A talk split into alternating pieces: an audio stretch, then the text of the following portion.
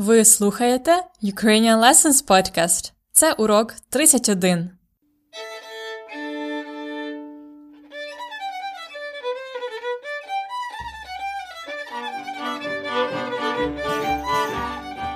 Привіт! Мене звати Анна, і ви слухаєте You are listening to the Ukrainian Lessons Podcast.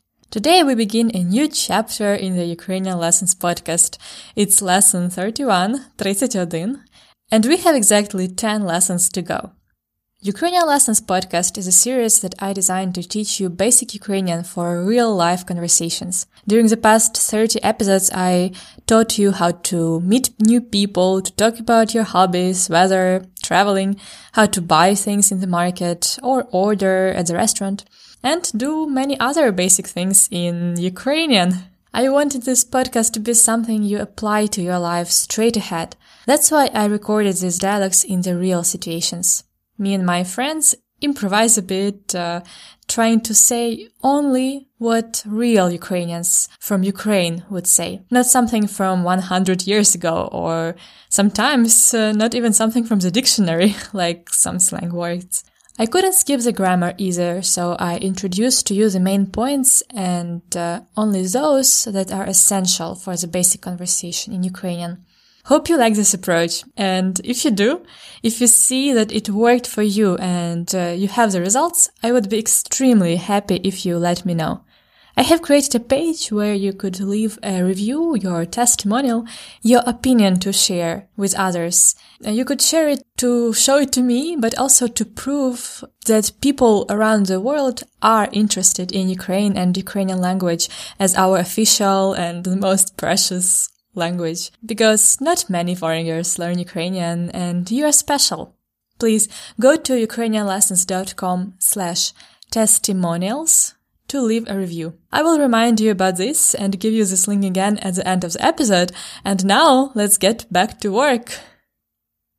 Today we will explore another typical situation in which you have to converse in a foreign language when you are in a foreign country. Especially in Ukraine when people who work in the shops and malls don't always speak good English. Moreover, it's just more fun to go shopping and talk to Ukrainians in Ukrainian. So in this lesson, you will hear me buying some shoes and learn the expression and words you should use in the store. I decided to go shopping and check one of the shoe stores. I was looking for a pair of tufli. Tufli, it's a general name for the spring or autumn shoes with a heel or without a heel. It's uh, the same word for both men and women. I'm looking around when a very pleasant shop assistant comes to me. Слухайте далі. Listen what happens next. Перший раз. First time. Добрий день. Вам допомогти? Добрий день. Можна приміряти ці туфлі? Так. Чорні чи коричневі?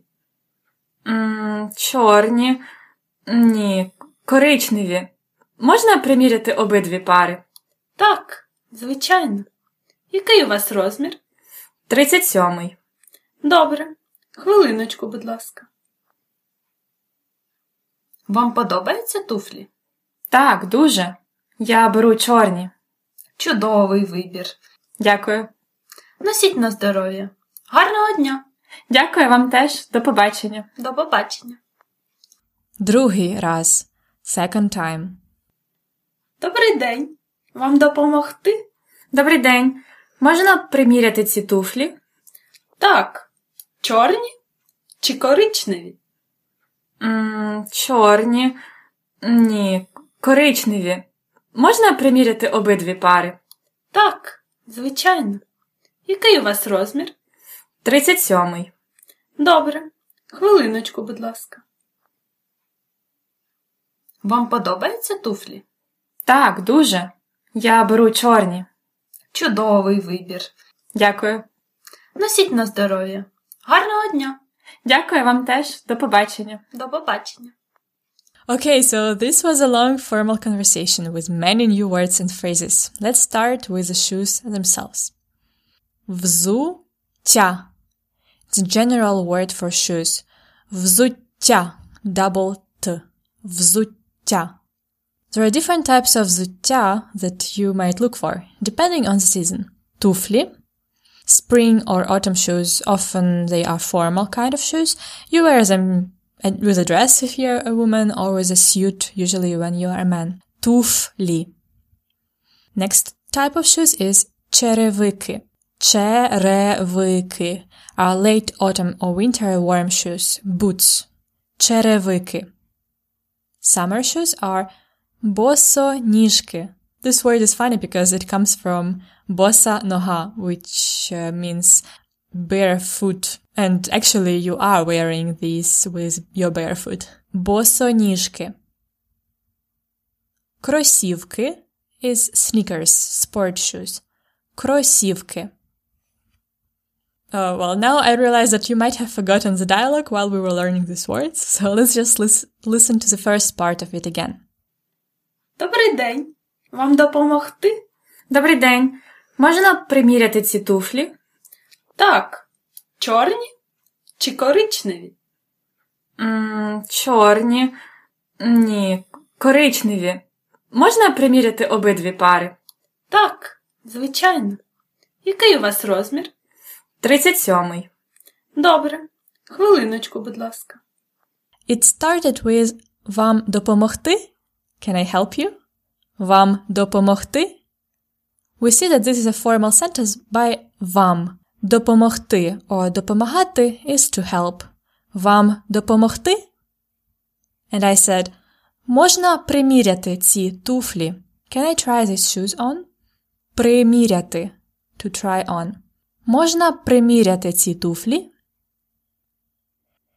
The shop assistant asked me about the size. Розмір. Який у вас розмір? What size do you have? Formal again, and remember we have to use який here, not що, because we uh, connect this to the noun розмір. Який у вас розмір? And then she asked about the color. Чорні чи коричневі?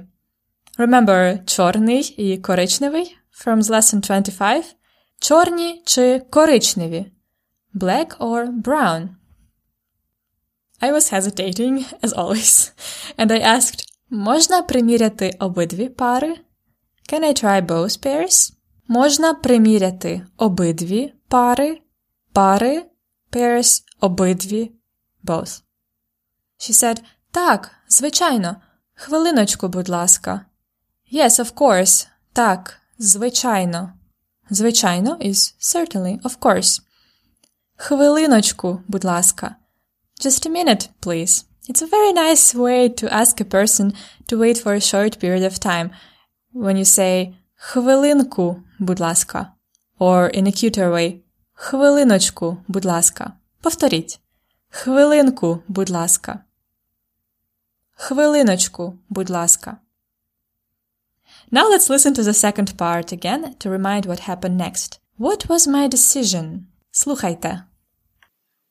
Вам подобаються туфлі? Так, дуже. Я беру чорні. Чудовий вибір. Дякую. Носіть на здоров'я. Гарного дня. Дякую вам теж. До побачення. До побачення. So I said, я беру чорні. I take the black ones.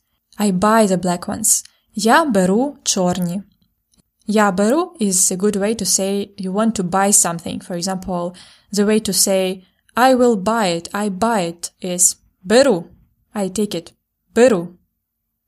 And the shop assistant was very happy. She said, чудовий вибір. Чудовий, you know, чудовий. And вибір is choice. Чудовий вибір. Great choice. Чудовий вибір. And then she said a very Ukrainian expression that we say when someone buys clothes from, from you. You say, носіть на здоров'я. Literally, wear this healthy. Be healthy wearing this or for your health. Носіть, wear на здоров'я. Носіть на здоров'я.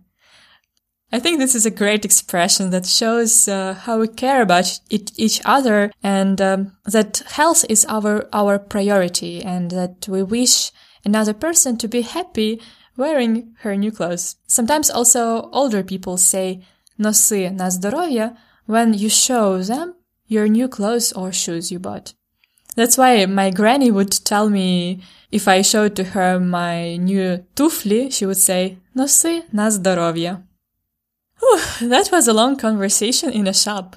I would say Ukrainians like to talk buying stuff like that. Listen now to the dialogue carefully again to be able to repeat that in one of the Ukrainian stores.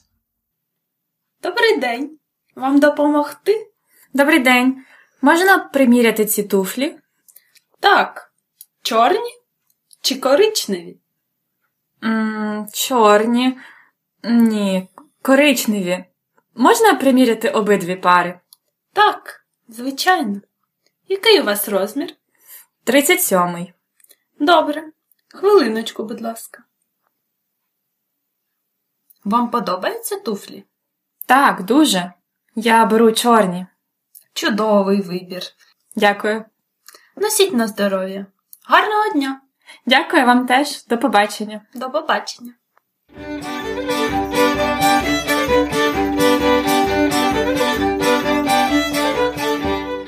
And now it's practice time. Let's do a role play. You arrived from sunny Miami to frosty Kiev and you want to buy черевики. Черевики. Boots. I'm going to be your продавець, shop assistant. Improvise. Добрий день. Вам допомогти?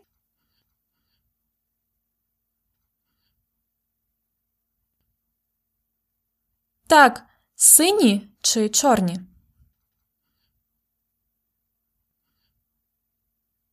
Звичайно.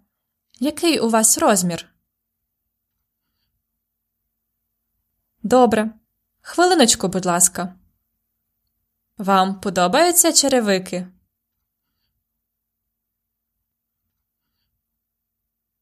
Чудовий вибір. Носіть на здоров'я. Гарного вам дня. До побачення.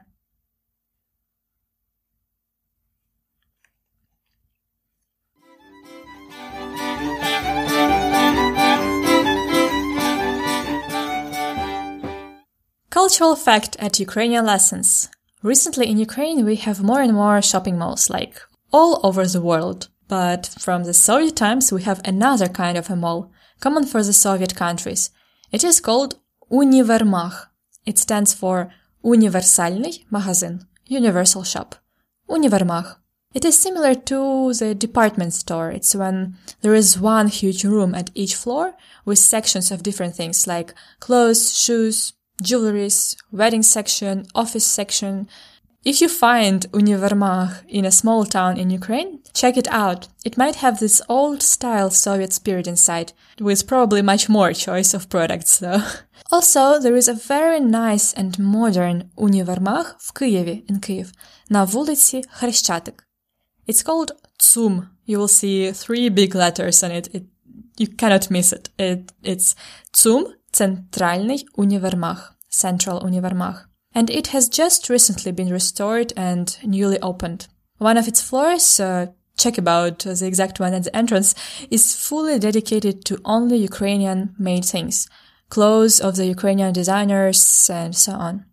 And if you are on the fifth or sixth floor, there is a gorgeous view on Khreshchatyk Street. Check it out next time you are in Kyiv.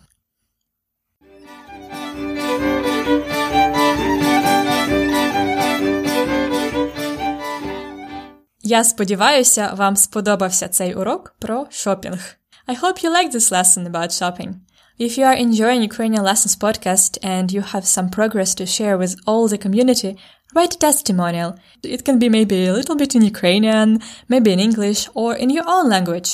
Leave it at ukrainianlessons.com slash testimonials. I would be happy to know more about you.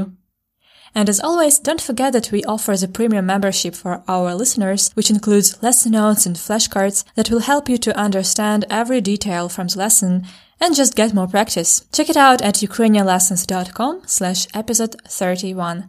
ukrainianlessons.com slash episode 31. До наступного уроку. До побачення!